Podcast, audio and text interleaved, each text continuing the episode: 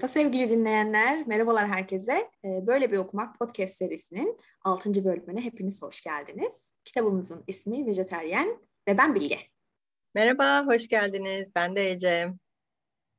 Ee, normalde girişleri aslında ben yapıyorum. Kitap hakkında böyle normalde konuşuyorum işte biraz. Ondan sonra ilk soruyu Ece'ye soruyorum ama bu kez Ece başlamak istedi. O soruyu sormak istedi. Ben o yüzden mikrofonu şöyle bir döndürüyorum Ece'ye. Evet. Evet ben sormak istedim çünkü kitabı elime alıp ilk birkaç cümleyi okuduktan sonra derhal e, bu soru kafamda oluştu. Bu kitabı okumaya başladığında seni kitabın içine alan şey, sende bıraktığı etki neydi? Okumaya devam etmeni sağlayan şey neydi? Evet. Güzel soru. Ee, neydi? Bence ben kendimden anında bir parça buldum kitapla alakalı. Neden diye soracaksın. Birkaç yıl önce vejeteryen olma dönemim vardı. Yani bunu böyle kafaya koymuştum. Bir üç ay gibi bir süre denedim aslında. Gerçekten. Gerçekten. Üç ay gibi bir süre dedim ki tamam ben gerçekten vejeteryen olmak istiyorum. Artık yapamıyorum. Yani böyle bir tiksintiyle başlayan bir şey şeydi. Et, etten hani tiksintiyle başlayan. Aa, e, çok heyecanlı. Aynı kahramanımız gibi. Aynen kahramanımız gibi o kadar yoğun değildi ama o kadar güçlü değildi. Sadece böyle yani görmek istemiyordum. Biraz böyle mide bulantısı falan oluşuyordu bende yemeden önce. Ben dedim ki zaten yemiyorsun Bilge ne kadar yiyorsun ki hani bir haftada. Ben zaten kırmızı et yemiyorum bu arada. E, yememeye çalışıyorum. Çok güzel bir bağım da yok kırmızı ette. Tavuk daha çok yiyen bir insanım. Onu da artık dedim e, çok da zor olmayacaktır senin için bunu kesmek. Neden denemiyorsun?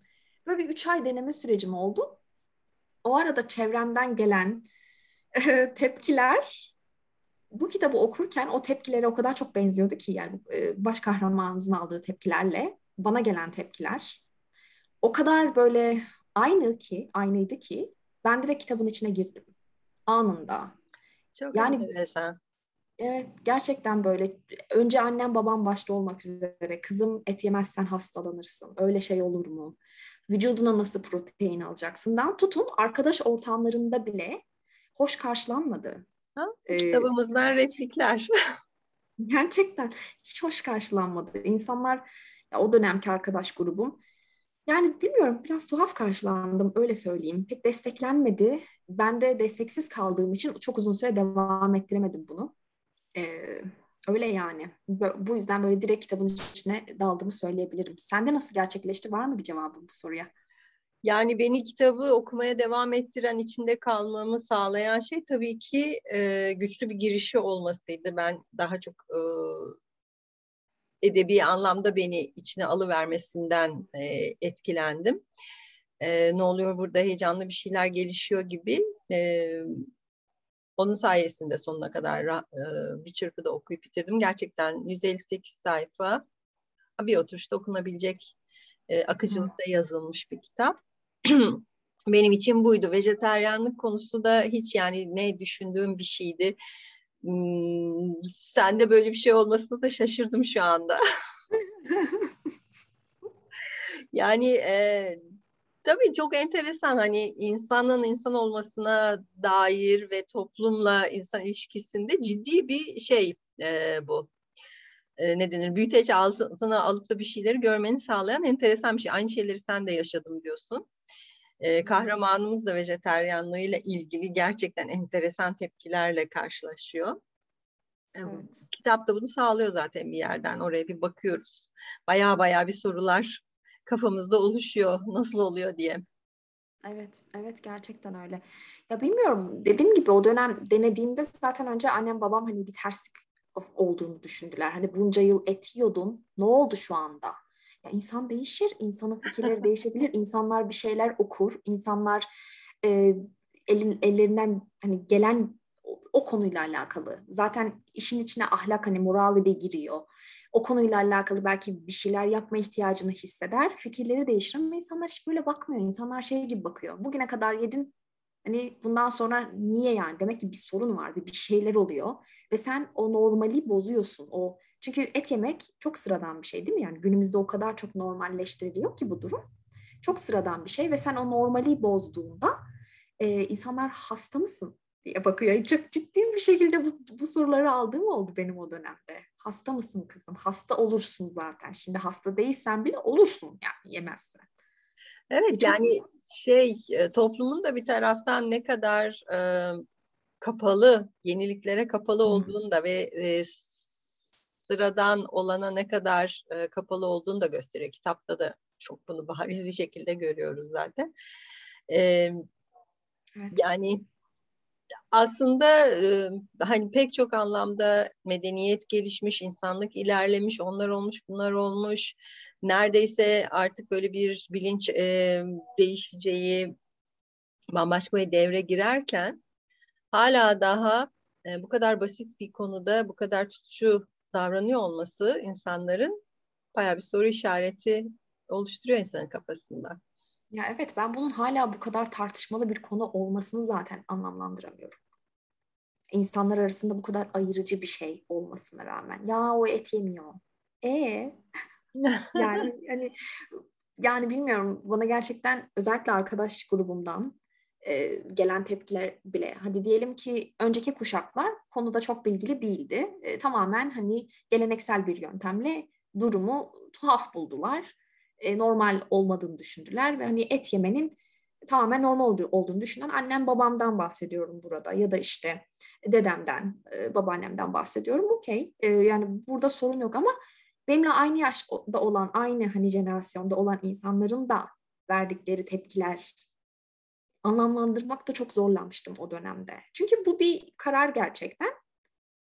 Ee, ve hani o kararın altındaki nedeni araştırmak ya da anlamaya çalışmak yerine direkt bir bariyer koymaları e, çok Ya da canım neden anlamaya çalışmak bile yani? Niye illa anlamak zorundasın ki? Ee, bu da böyle bir insan deyip geçmek neden bu kadar e, zor olabiliyor? Ama e, maalesef öyle ve bu kitapta benim çok dikkatimi çeken aslında e, Koreli yazarların kitaplarında bayağı fark ediyorum. Türk toplumuyla Kore toplumu arasında çok benzerlikler var. Evet. Hem günlük yaşam idamesi şeklinde baktığında var, e, ilişkiler anlamında baktığında var. Ataerkillik ataerkillik ciddi anlamda var, bireyselliğe yer verilmemesi var, yani mangal kültürü. evet, mangal piknik kültürü görüyoruz. Korelilerde de bir hayli var ve tabii ki bunlar bu kadar derin nesiller nesiller boyunca artık DNA'lara işlemiş olunca et yemeyen bir kişi gerçekten çok o acayip uzaylı gibi bir şey e, evet. oluyor. Yani Evet gerçekten öyle.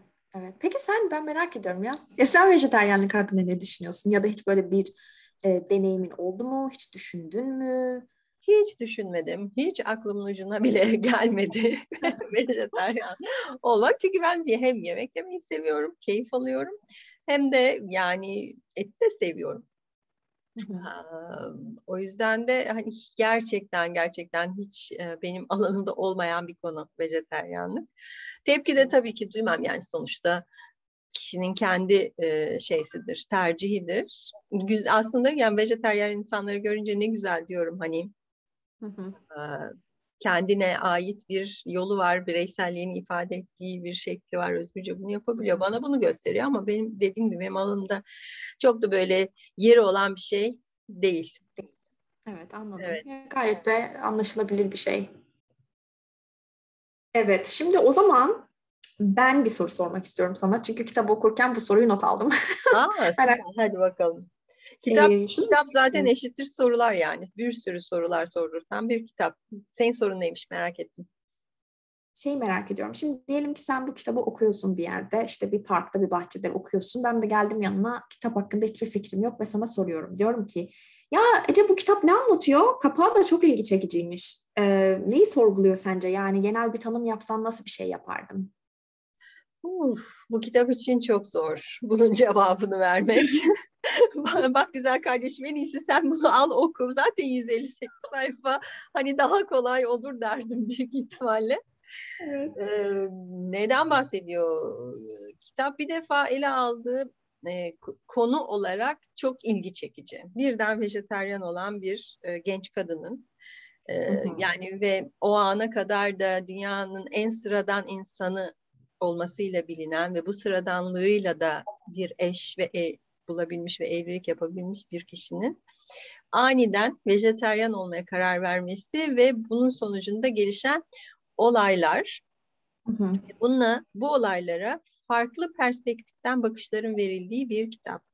Yani üç farklı perspektiften konuyu e, değerlen bu kızın durumunu e, gözlemliyoruz kitapta. E, zaten bu oldukça zenginleştiriyor hı hı. E, konuya bakış açısını ve bir aşamadan sonra da vejeteryanlıktan aşıyor. Hani sen bu kitabı niye oku? Çünkü çok güzel yazılmış. Çok şiirsel yazılmış, çok güzel yazılmış. Üç bölümden oluşuyor ve her bölümde sana ayrı bir duygu bırakıyor. Bir defa duygunun içinde oluyorsun, duygusal olarak zenginleşiyorsun. Ee, güzel bir okuma macerası olur derdim. Evet. Bir o kadar güzel e, tanımladın ki. Şimdi her böyle tanımla... okuyun. Bu tanımladığın şeylerin her birini böyle cımbızlayıp açmak gerekiyor. Çünkü tabii sen kitap okuduğun için çok güzel bir birleşim yapabildin şu anda. E, ama gerçekten cımbızlamak lazım söylediğin şeylerden. Mesela çok güzel yazılmış dedin ya. Katılıyorum. Gerçekten katılıyorum. Bazı cümleler var ki e, gerçekten vurucu. E, bir tane cümle vardı, bilmiyorum hatırlıyor musun? E, yani tam olarak böyle değildi. Şu anda tabii ki e, not almamışım ama şöyle bir şeydi. Yapabileceğin tek zarar kendine, bu kitap karakteri söylüyor, baş kadın karakteri söylüyor. Yapabileceğin tek zarar kendine, onu bile yapmana izin vermiyorlar değil mi? Oh, evet, yani kitap böyle cümlelerle dolu. Gerçekten. Evet, böyle bir cümle vardı. Çok çok çok çok güçlü. Çok güçlü bir cümle. Ve ee, bu sesli olarak söylediği bir cümle değildi. Düşündüğü bir cümleydi e, baş karakterin. Ve orada hem, hemen böyle kafamda canlanan şey şuydu. Ya bir kişinin karar alabilme hakkı, söz hakkı ya da işte düşünce hakkının elinden alınması durumu. Bu, bu durum kendine zarar bile olsa. Yani ne kendine, kadar acı. Evet, erkinin elinden alınması ve Hı. son derecede e, toplum tarafından tırnak içinde diyelim makul görülen sebeplerle.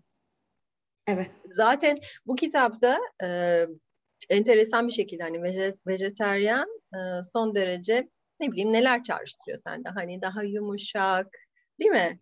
Daha Hı-hı. böyle çevreciliğe bile gidersin buradan daha naif bir şey bulabileceğini Hı-hı. düşünüyorsun kitapta. E, ama kitapta çok e, ciddi anlamda şiddet var. Evet. Çünkü çünkü aslında yapılan şey bu işte kişinin kendi kendisiyle ilgili bir karar vermesi ne izin verilmemesi zaten en büyük şiddet. Evet. Buradan başlıyor. Buradan başlıyor ama ben genel anlamda mesela baş karakterin ismi e, bu arada nasıl telaffuz ediliyor tam bilmiyorum. Ama baktım internetten İngilizce telaffuzu başka ama bu bir Kore ismi olduğu için e, sanıyorum ki Yunhee ya da Yunhe galiba Yunhe diye e, telaffuz ediliyor. Ya aslında Türkçe çevirmen bence direkt şey e, Türkçe'de okunuşuyla e, kullanmış. Öyle değil mi? Adı galiba. Yunhe. Evet. Şimdi düşündüğünde ya gerçekten şimdi tamam e, bu benim alanım evet psikoloji ama cevabını veremediğim çok soru oldu.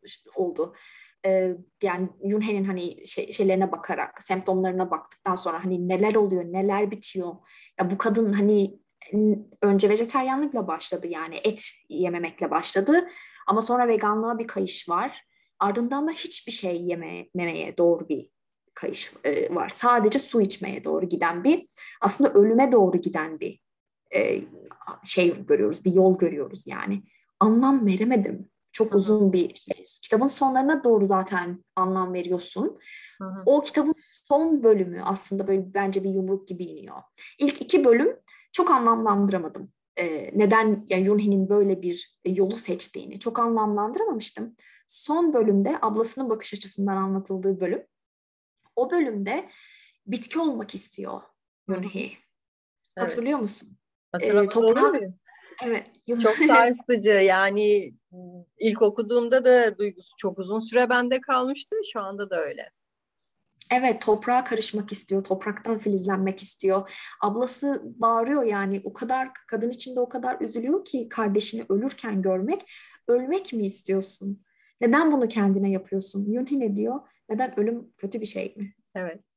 Neden ölüm ölüm bu kadar kötü bir şey mi? Şimdi bu ben, ben kafamda ne canlandırdı biliyor musun? Bu kadın o kadar tiksinmiş ki insandan, insan olmak istemiyor. Kitap boyunca in, o insan formunu aslında değiştirmeye çalışıyor. Başka bir şeye doğru. Neye doğru? Ağaca doğru, bitkiye doğru, doğaya doğru değiştirmeye çalıştığı aslında bir savaş veriyor. Savaşı kimlerle veriyor? İnsanlarla veriyor. Çevresindeki işte ablasıyla, ailesiyle, hatta doktorlarıyla, hemşirelerle savaş veriyor aslında. Ee, tabii onlar nasıl bakıyor duruma? Katatonik şizofreni olarak bakıyorlar. yani duruma böyle bakıyorlar. E, zaten budur yani hani semptomlara bakarak koyacağınız şey bu olur. Yani teşhis bu olur. Ama o kişi için yani katatonik şizofreni dediğimiz kişi için içinde bulunduğu durum ne kadar anlamlı? Ne kadar anlamlı? O kadar büyük bir tiksinti var ki insan olmak istemiyor. Vahşi. Çünkü yani et yemek o kadar vahşi geliyor ki o tabii rüyaların da çok büyük etkisi var. Gördüğü rüyalar sayesinde zaten böyle düşünüyor. Sonrasında bitki olmaya, sadece doğayla bir bütün olmaya, toprağa karışmak istiyor ve ölümden dahi korkmuyor bu yolculukta. Ölmek nedir ki? Ölmek de doğanın bir parçası. Ben de öleceksem ne olacak? Beni bırakın diyor. Ya ben çok etkilenmiştim bundan okurken. Bu bu et, bu etkilenilmeyecek gibi bir şey değil zaten aynı şekilde ben de çok çok çok çok etkilenmiştim ee, ve uzun sürede üzerimde kaldı bu vejeteryan olmayı düşünmesem bile hani bir ağaç olmak, bir bitki olmak gibi şeyleri böyle uzun süre ağaçlara bakışım falan değişmişti bu kitabı okuduktan sonra. Değişir. Ee, yani burada tabii gördüğümüz şey evet insana rağmen çünkü insan yüzünden etrafında gördüğü insan yüzünden insan olmak diye e, onun dünyasında var olan şeyden aslında tiksinerek tabii ki insan olmayana doğru e, gidiyor. Hani birkaç birkaç farklı yerden kitabı okumak e, mümkün. Buradan okuduğumuz zaman da e, insan olan şeyin e, bu kitapta çok net bir şekilde temsili davranışlar var. Dediğim gibi şiddet davranışı var. Ee, bir de tabii şey de var burada hani kadın erkek davranışlarında da çok farklılıkları görüyoruz. Hani birazcık böyle bir dokundurması da var. Kadın ve erkekle ilgili toplumdaki yerleriyle ilgili dokundurmaları da var ve bunları o kadar böyle e, şairane, o kadar güzel bir üslupla yapıyor ki e, küçücük kitapta koca bir insanlık külliyatı okumuş gibi oluyorsun. Böyle bir etkisi de var. Kaldı ki senin bahsettiğin şeyi bırakıyor bir de işte o, o duygulanmayı da bırakıyor insanda. O anlamda ben e, kitabı çok çok çok seviyorum. Senin şimdi şu sorularına gelelim. Bir sürü sorular var evet. sende ben biliyorum. Ve evet sorularım var. En çok da onu merak ettim. Bilge'nin kafasında hangi sorular canlandı acaba? Onların cevaplarını beraber bulalım. Şimdi aslında aynen öyle bir sürü sorun var ama şu soruyu sen konuşurken aklıma geldi. Çünkü kadın erkek falan bahsettin ya. Ya ben bunu tabii keşke burada olsa da yazarımıza sorsak niye böyle bir şey yaptın diye ama sence yazar neden baş kahramanı bir kadın olarak seçti ve vejeteryan? Yani hani vejeteryanlık de sence kadın olmayı böyle yani aynı gemide giden bir şey olarak mı göstermek istedi? Ya çünkü bir sürü vejeteryan erkek de var. Ama seçmemesinin sebebi ne olabilir bir kadın olarak? Yani baş kahramanın kadın seçmesinin sebebi ne olabilir? Çok böyle şey bir şeymiş gibi duruyor. Hani e, bilmiyorum benim için çok güçlüydü orada kadın karakteri görmek. Ama merak ettim. Yani bence e, toplumun içinde bulunduğu toplumdan kaynaklanan bir şey. E, bunu bir Türk yazar yazsaydı da yine kadın yapardı diye düşünüyorum. E, hmm. Çünkü e, kadının toplumdaki yeriyle ilgili kitapta bir sürü ipuçları var zaten.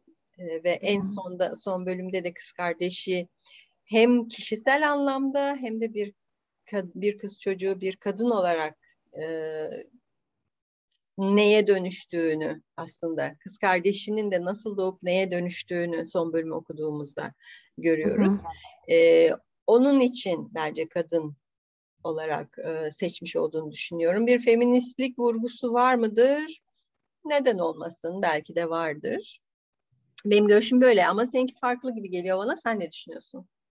Aslında çok bir görüşüm yok. Ben tamamen merakımdan sordum bunu. Yani tahmin edebilirim hani neden diye. Çünkü bilmiyorum kadın üzerinden zaten çokça tartışma yapılıyor ya. Yani toplumda da zaten kadın olmak gerçekten e, karşılaştırdığında erkek olmaktan çok daha tartışmalı, çok daha zorlu. E, bunu yani muhtemelen hepimiz kabul ediyoruz. Özellikle belli noktalarda. Farklılaşmak mevzusu. Yani bir erkek hani farklılaşmaya cesaret ettiğinde belki toplum tarafından o kadar sert bir bariyerle karşılaşmayacak ama kadın farklılaşmak istediğinde sana şey bak şu şeyi hatırlatacağım sana. Ee, ikinci bölümde e, sanatçı Hı-hı. olan adam Hı-hı. da farklılaştı. O da evet. çok farklı bir şekilde sanatını e, icra etti. Evet. Ve onun sonunda akıl hastanesi oldu. Evet onun da sonu akıl hastanesi oldu. Doğru diyorum ya yani gerçekten net bir şeyim yok. Belki bu yüzden seçti, belki bu yüzden seçmedi bilmiyorum. Bu benim aklıma gelen ilk şeydi. Acaba yani hani... şimdi sen sorunca benim aklıma gelen cevap da şu oluyor. E, bence böylesinin çok daha doğal olacağı için kadın kahraman hmm. seçti. Evet aslında bunu demek istedim. evet. Ama doğallığı da işte Koreli olduğu için. İçin. Koreli evet. toplumun, Kore toplumundaki bir kadın olduğu için yani orada olay örgüsünü kurmak da çok daha kolaydı. Çünkü zaten onu destekleyen bir sürü şey var, veri var. Ee, evet. Günlük yaşantının akışı böyle. Yani zaten hani kitap anlatım olarak, dil olarak çok akışkan. Evet, gerçekten. Ve o akışkanlığın içinde tabii hani şimdi biz burada biraz zorlama bir yorumla şunu da diyebiliriz. Hani kadının erkeğe göre daha akışkan, daha esnek, daha üzerinde oynanabilir olması falan da diyebiliriz. Ama bence doğal olsun. Yani zaten toplumda var olan şeyi e, yansıtması Hı. anlamında evet. okuyucunun çok daha kolay kabul edebileceği bir şey olduğu için bence kadın Evet. E, biraz da şey değil mi yani e, damgalama olayı da var. Yani damgalamadan kastım hani bir genel genelleştirme e, ne, nasıl desem vejeteryen dendiğinde mesela kafanda nasıl bir şey oluşuyor? Benim de kafamda mesela erkek vejeteryen canlanmıyor hemen. Önce bir kadın canlanıyor. Ondan sonra böyle e, nasıl desem daha zayıf bir kadın can, mesela şişman bir kadın canlanmıyor vejeteryen dediğinde. Oysa muhtemelen bir sürü şişman vejeteryen kadın da erkek de var yani. Ama işte diyorum ya bu kafada canlanan şey. Sonra daha böyle entelektüel bir kadın canlanıyor mesela kafamda. E, köylü bir kadın canlanmıyor ya da daha doğrusu köylüler entelektüel değildir demiyorum da daha okumuş, bilmiş, hani bir sürü okulu bitirmiş ve sonra böyle bir e, karar almış ya da bilmiyorum belki aileden böyle doğmuş, büyümüş de olabilir. Bilmiyorum. Kafamda canlanan e, stil böyle bir kadın mesela. Acaba bu stile yakın olsun diye mi seçti mesela yazar direkt aklıma bu geldi. Çünkü destekliyor bunu. Bakıldığında baş kahraman da bir kadın ve çok zayıf. Baştan da zayıftı zaten. Daha da giderek zayıfladı. Ha, entelektüellik hakkında bir şey bilmiyoruz tabii. O başka Yo, o bir çok, konu. Yani onun çok fazla olmadığını farkındayız. Evet onu Çünkü bilmiyoruz. Doğru düzgün bir mesleği tam olarak yok falan filan onları biliyoruz ama e, işte zaten yazar bu anlamda da çok yetkin bir kalem. Çünkü bizi bizi bütün bunlarla yüzleştiriyor işte. Yani evet. şurada açtığımızdan beri, daha ki on, öncesinde de seninle konuşmamızdan beri sürekli kafamızda sorular beliriyor. Sorular, kendimizi sorgulamamız, kendi yargılarımızı, kendi kendimizle yüzleşmemiz bir sorular. Bunu çok güzel bir şekilde yapıyor. Evet, evet gerçekten öyle. O zaman madem sorular dedin sonraki soruya geçiyorum. Geç bakalım. Geçiyorum sonraki soruya. Şimdi sorumuz şu e, insanlar içlerinde barındırdığı şiddeti tamamen reddedebilir mi? Çünkü aslında baş karakterin yapmaya çalıştığı şey bu. Yani onu fark ediyor. Şiddet var ortada. Et yiyerek de şiddetin içinde olduğunu düşünüyor. İnanılmaz bir tiksinti var. Zaten gördüğü rüyalar çok kanlı rüyalar yani vahşet hani, rüyaları ve sonrasında böyle bir karar alıyor. Bu bir reddetiş biçimi o kadın için. Tamamen bir kay, kaybolarak aslında kendi benliğini vererek reddediyor. Ben insan da olmak istemiyorum. Şiddeti de tamamen bu şekilde reddediyorum diyerek aslında onun ölüme doğru giden o kayboluşunu izliyoruz. Ama yani e, biz nasıl yapabiliriz bunu ya da yapabilir miyiz? Reddedebilir miyiz sence e, içimizdeki şiddeti? Ya da var mıdır şiddetle mi doğuyoruz yani? Oo, Açık soru sordum. Çok büyük, çok büyük soru, çok büyük soru da bu soruların sana sorulması gerekiyordu bence. Konunun uzmanı sensin. Bu konuda eğitimleri ya ben olan sensin. Benim şahsi fikrimi sorarsan e, insanın bu kadar da çok bence didiklememek gerekiyor. İşte şu şiddet parçası, şu şefkat parçası, şu sevgi parçası, şu kıskançlık parçası falan diye didiklemesek bence daha şey olacağız. Daha iyi bir e, doğal bir yaşam içerisinde olacağız. Hı hı. Evet bence şiddet insanın içinde var. Ee, hı hı. Ve önemli olan bunun nasıl dışa vurduğu, nasıl ifade hı hı. bulduğu ve tabii daha da çok bu şiddet toplumu, sosyal ortamı nasıl şekillendiriyor? Evet. Burası var. Güzel soru. Burası var esas. ve kitapta özel yani ben şeyde böyle yani pek şimdi konuştukça tekrar tekrar hatırlıyorum. Hani ondan da etkilendim bundan da etkilendim ama gerçekten her bölümde çok çok etkilendim. Yani o yemek sahnesi babasıyla olan o yemek sahnesinde e, o, yani çok basit ve sıradan şeyler olurken birden aslında onun altında yatan o büyük işte senin sorduğun insanın içindeki şiddet olayı birden çıkıveriyor ortaya. Ve bunun ne kadar şey yaptığı e, insanın e,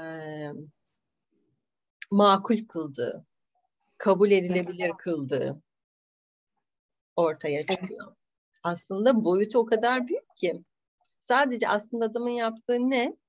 Kızın et yemesini sağlamaya çalışıyor. Biraz zorla. Hani küçük bebeklere de yaparız. Ha, işte o tabaktaki bitecek hadi bakalım uçak geliyor aç kapıyı burnunu tıkayıp çocuğuna yemek yedirenler biliyorum. Ee, evet. Ee, yeter ki yesin diye. Hani o, o güdüyü de anlayabilirim ama kitap öyle bunu öyle bir aktarmış ki diyorsun ki burada çok büyük bir şiddet var. Ne yapıyorlar bu kızcağıza diyorsun. Var ama zaten. Var yani. Hani bunu hiç normalleştiremeyeceğim. Şeyi bile ben normalleştiremiyorum. Yemeyen çocuklara zorla yedirmeye çalışmak da normal değil bence. Bebekler bebeklere bile birçok ya bebeğin de tokluk duygusu var. Balık değil ki ya bunlar. Duyguları var yani. Ya yemek istemediklerinde bunu gayet ya yemin ediyorum o, o kadar çocuklara baktım bak. Çocuk başını sağlıyor. Bebek ya bir yaşında yapıyor yani. Tamam doydum diyor. Yeter daha fazla vermeden nereye kadar yiyeceğim diyor çocuk. ve sırf, sırf bu yüzden annesinin babasının çocuğun ağzına tıktığını ve sonra çocuğu uykuya koyduğunda kusarak uyandığını biliyorum çocuğun çok yemekten. Tabii. E, şiddet değil mi bu? Bence şiddet. İşte onu söylüyorum. Şimdi biz bunu yapar yani bu, bu, bu burası bu kısmı çok çarpıcı zaten. Biz bunu yaparken hani ben de itiraf edeyim belki de yapmışımdır ben de çocuklarıma da o tabaktaki bitecek, Hı-hı. o mutlaka yenilecek. Yapmışımdır yani. Bunu yaparken bunun ne boyutta bir şiddet olduğunun farkında değilsin. Şimdi diyorsun ya insanın içinde şiddet var mı? Evet var işte yani. Şiddet uyguluyorsun. Yemek istemeyen bir çocuğa zorla yemek yedirmeye çalışıyorsun. Yani o sahne, kitaptaki bu sahne bunu baya baya bir sarsıcı bir şekilde gözler önüne seriyor. Seriyor. Evet. Ve bunun, Aslında... bunun sınırı ne? Nereye kadar gidecek bu? Ya hiç bilmiyorum ama zaten baktığımızda yani zaten direkt Freud'dan başlasak e, Freud saldırganlığı zaten söylüyor yani olduğunu saldırgan öfkeyle doğduğumuz ya tam olarak böyle değil tabii ki şimdi yanlış bilgi vermek istemiyorum ama e, Freudyenler daha iyi bilir. Saldırganlık var zaten e, insanlarda olan bir şey yani bu öfke, saldırganlık olan bir durum. E, burada tabii reddetmekle kontrol altına almak arasında fark var. Yani aslında soru şunu soruyor. Tamamen reddedilebilir mi? Yani bu öfke, öfke değil aslında şiddet. Şiddet tamamen e, reddedilebilir mi? Bence reddedilemez. Ya hiçbir hiçbir duygu, şiddet bir duygu değil ama öfke bir duygu reddedilemez. Yani reddetip hani tamam reddettik onu nereye koyacağız? Bunu bunu bilmiyorum. Reddedin ama bilmiyorum ya cevap veremiyorum ben bu soruya. Sadece reddetmek değil de dediğin gibi boyutunu belki anlamaya çalışmak, işte onu daraltmaya çalışmak ya da kontrol altına almaya çalışmak ya da hangi şekillerde çıkarıyorum ben bu öfkeyi? Hani ben evet, belki bunu hangi biraz şekilde yapıyorum. Yani bir de tabii bunun Şimdi reddetme neyi getiriyor? Yok saymayı getiriyor. Sen işte o zorla bir şey yedirtmeye çalışırken, zorla bir yere götürtmeye çalışırken, getirtmeye çalışırken aslında e, bunun bir şiddet olduğunu önce bir fark etmek gerekiyor. Yani evet. Yine şeye geliyor sonra birey olmaya geliyoruz tabii ki. Bireye saygı duymaya geliyoruz. Bunu yapabiliyor muyuz yapamıyor muyuz? En başta bana saygı duyulmadığı için ben bunu öğrenmediğim için ben bunu başkasına yapamıyorum falan filan diye böyle bir sarmala gireriz oradan ki bunların hepsi birer birer teker teker kitapta var. Evet işte şey karar alabilme dedim ya karar al- alabilme hakkı, söz hakkı, düşünce hakkı. Yani baş karakterin Yunhe'nin zaten e, bence acısını çektiği şey bu. Şeyden beri yani evlendiğinde de öyle bakıldığında evliliğine. Evet. Kararları alan bir hani kararları onun aldığı bir evlilik mi? Değil. Kesinlikle. Yani çok net kesinlikle değil. Söz hakkının çok da olmadığı e, kocası ne derse e, o şekilde idame ettirdiği hayatını. Öyle bir hayat. Yani ben, ben de zaten şu izlenimi bıraktı ki bu da yine bizim toplumumuzla da çok fazla e, benzerlik e, gösteriyor. Madem kendim olamayacağım, madem kendi kararlarımı uygulayamayacağım, hani orada bir pes edip vazgeçiş, kendinden vazgeçiş, o zaman ben uy uyuyayım, bana ne söylenirse onu yapayım, bana ne söylenirse onu olayım e, şeklinde bir davranış modeline geçiyor. Ve o geçen şey sen e, mutlaka bu tarz vakalarla da çok karşılaşmış ve duymuşsundur. Bir yerde istihap hattını doldurup taşıyor. Ve ondan sonra e, işte problemli evlilikler, depresyonda kadınlar, e, evet. daha ileri seviyede psikolojik bozukluklara kadar gidiyor. Çünkü neden? Doğal olandan çıkmışsın bir kere ve hı hı. değil mi? Bilmiyorum evet. sen ne düşünüyorsun? Katılıyorum kesinlikle. Yani, yani if- ifade bende yarattığı izlenim oydu. Hani ben olamayacaksam zaten babasıyla başlıyor hani kendi olamaması. Evet. Ee, onunla başlayıp devam et. O zaman tamam ben de böyle giderim deyip ama bir yerde o içgüdü, ben olma içgüdüsü patlıyor. Evet ya düşünsene gerçekten muhtemelen birçoğumuz için böyledir. Pek çoğumuz hayatımızı kendimizi arayarak geçiriyoruz. Evet. Ben aslında kimim? Ben nasıl bir insanım? Benim anlatmak istediğim çok şey var ama aynı zamanda bunu nasıl yapacağımı da bilmiyorum. Benim anlatmaya işte e, ya da kendi hakkımda hiç değilse kendi hayatım hakkında karar almaya hakkım yok mu? Ya bunların hepsi insanın içinde olan şeyler ve bunu dışarıdan kısıtlandığını fark ettiğinde büyük problemlere sebep oluyor yani büyük psikolojik problemlere sebep oluyor. Bu yüzden diyor zaten kız ya kendimi hani kendimden fedakarlık yapıyorum. Zararı kendime veriyorum. Yani kimseye zararım yok. Ona bile karışıyorlar. Ona bile karışıyorlar. Ve sonra dışarıdan üç farklı gözden görüyoruz ya bu e, kızın vejeteryan olmasıyla ilgili hem e, olay örgüsünü hem de duyguları. Üçü de o vejeteryan olmasaydı bütün bunlar başımıza gelmeyecekti diye başlıyorlar. Kesinlikle ya, kesinlikle. Tam burada bir soru sormak istiyorum. Sonraki soru çünkü bununla çok alakalı. Şimdi bu normallik ve delilik tanımları. Ya normal tabii ki bu delilik konusu delilik olarak geçmiyor. Ee, ya biz en azından biz kimseyi deli olarak zaten etiketlemiyoruz e, bizim alanda. Ama etiketlemiyorsunuz da toplum şahane anında yapıştırıyor. Aynen öyle. Şimdi bu aslında e, şeyin yazarın sorusu. Benim sorum değil. Yazar diyor ki e, ben okuyucularıma şunu sordurtmak istedim aslında bu kitapla. Normallik ve delilik tanımlarını düşünün ve bu normallik ve delilik tanımlarının birbirimizi anlamamıza yani günlük hayatta birbirimizi anlamamız üzerindeki etkilerini düşünün ne kadar nasıl etkiliyor bu normallik ve delilik tanımlarımız? Yani neye göre normal, neye göre deli?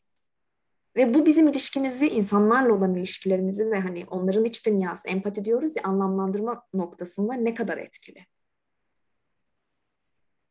E, Sordum. Evet işte. yani sordum, kitapta bunu soruyor, yazar da bunu sorduğunu ayan bayan söylemiş zaten. Ee, hani hemen hemen herkes bu kitabı bitirdikten sonra bunları sorar bence sorar e, diye düşünüyorum. Yani çünkü şimdi şöyle baktığın zaman e, yazarın aktarışını da burada yerini teslim etmek lazım. Çok iyi bir şekilde aktarmış. E, normal olmayan kişinin yani vejeteryan olan kızımızın inanılmaz tutarlı bir şeysi var. E, gidişatı var. Değil mi? Evet. Çok evet. normal yani. Hani diyorsun evet böyle olduğu için böyle çok normal. Zaten bu böyle olduğu için böyle olur. Bu da çok normal. Hani aslında onun kendi içerisinde inanılmaz bir normalliği var. Evet. Ama dışarıdan baktığın zaman, perspektifi değiştirdiğin zaman keza şey için de öyle. Ee, o sanatçı için de öyle. Hı hı.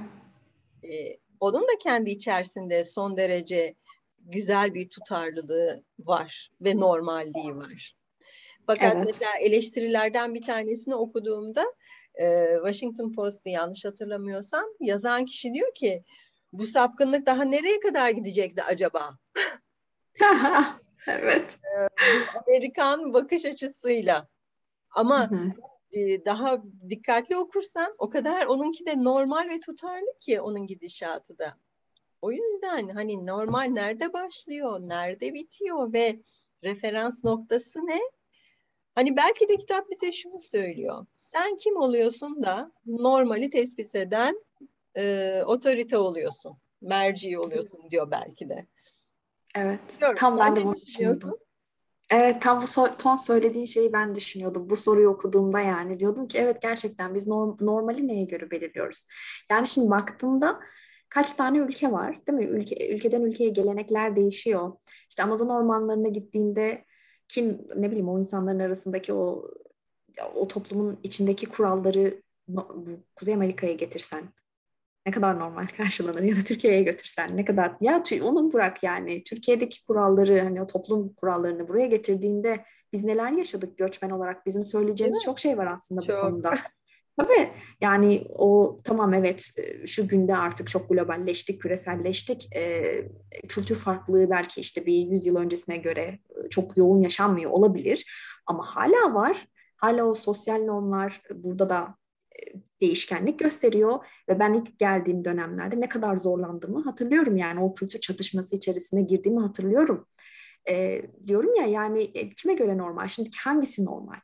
Ya bizim ya neye göre belirliyoruz daha doğrusu Evet, bu neye kuralları, göre bu normal? belirliyoruz biz bunu? Hani gerçekten hani hem isyan olarak söylüyorum, kim belirliyor kardeşim normalin ne olduğunu diye hem de merak ederek söylüyorum. Yani Kim belirliyor normal ne o zaman? Hani ya da Evet. ne, niye insanın bir normal kavramına ihtiyacı var? Evet. Bak bu da güzel bir soru bence. Neden biliyor musun? Bence bunun altında kabul var. Kabul edilebilirlik. Çünkü insan olarak aslında hepimiz ya tabii ki çok genelleştirmek istemiyorum ama en azından okuduğum şeylere ve kendime de tabii ki bunu sorduğumda e, bir, bir toplum tarafından ya da içinde bulunduğumuz grup tarafından e, kabul edilmek isteriz. Ya da ya bir aile içerisinde doğuyoruz. İsteriz ki annemiz babamızdan kabul görelim. Ve olduğumuz şeklimizle zaten kabul görelim. Evet. Zaten normali de yani bak normali. Yani şey de bu aslında e, nasıl desem olması gereken şey de bu olduğumuz gibi kabul görmek aslında. Yani bu hani bu şekilde olduğunda sağlıklı oluyor ama toplum böyle demiyor. Toplum belli kurallar koyuyor ve sen işte o kuralları normal diyorsun çünkü kabul görmek istiyorsun. Evet. Bu yüzden insanlar muhtemelen o normalleri normal olarak kabul ediyor. Yani kabul etmek zorunda kalıyor belli başlı kuralları. Çünkü kabul görmek arzusu belki daha baskın geliyor. Valla bu buradan çok derin yerlere gider. Çok derin. Bilmiyorum, Yani tabii ki. Psikoloji, sosyoloji, antropoloji nerelere nerelere gider ama benim şu anki Evet. şahsi görüşüm şu ki bu, ve bu tarz yazılar, yazarlar, romanlar, edebi eserler her türlü her türlü yazılı zihin ürünü olan şey bunu sorgular durumda bugünümüzde. Evet. Demek ki artık bunun da bir değişme zamanı geldi. Yeni normal. Normal. Normalsiz bir normal olacak diye umut ediyorum. evet. Çünkü Benim kitapla alakalı- kalmıyor insanlığın buna. Pardon sözünü kestim. Yo yo. Ee, benim kitapla alakalı başka bir sorum var mı ona bakıyorum ama galiba yok. Kitapla alakalı başka bir sorum kalmamış bu kadar. Senin sorun var mı? Sormak istediğin ya da açmak istediğin En çok başka? hangi bölümünden etkilendin? Ben galiba en çok son bölümden etkilendim. Çünkü ben cevapları seviyorum. Soruları da severim ama cevapları aldığımda böyle bir tatmin duygusu yaşadığım için oh be nihayet anlıyorum. duygusu yaşadığım için nihayet anlıyorum tanrım. O yüzden hiç son normal, bölümden... hiç normal değilsin. hiç değilim gerçekten. ya da evet, çok normalsin. Bölüm. Çoğunluk insan senin gibi çok normalsin. Benim için de evet. mesela ikinci bölüm. Ben oradan hmm. çok çok etkilendim. O, o, ama ben, ben de mesela senin zıttına sonunda ne olacağı ve sorularıma cevap bulmak beni etkilen etkilemiyor o kadar ama şey daha fazla etkiliyor.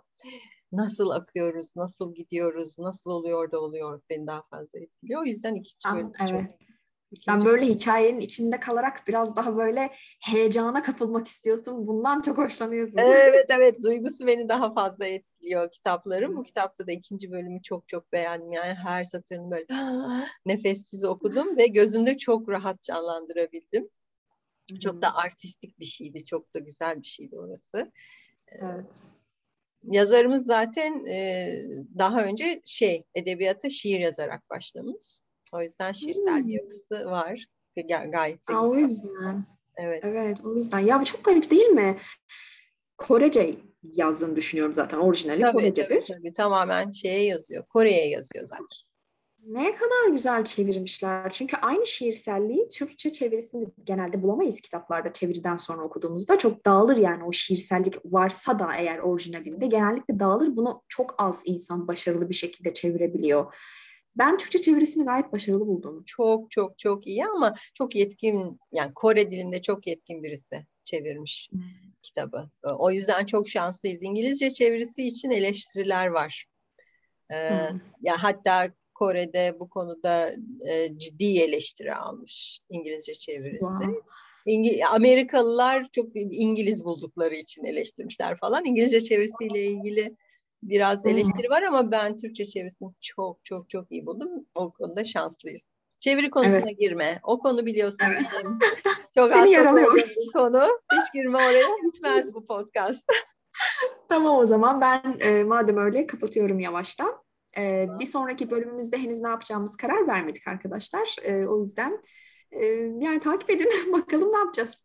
Evet takip edin lütfen dinleyin yorum yapın. Katılıyor musunuz, katılmıyor musunuz? Bize biraz bir şeyler verin, biz de onların üzerinden gidelim.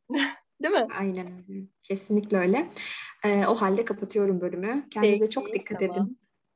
Kendinize iyi davranın. Çok normal olmayın. Çok normal olmayın. Görüşürüz. Görüşürüz. Thank you.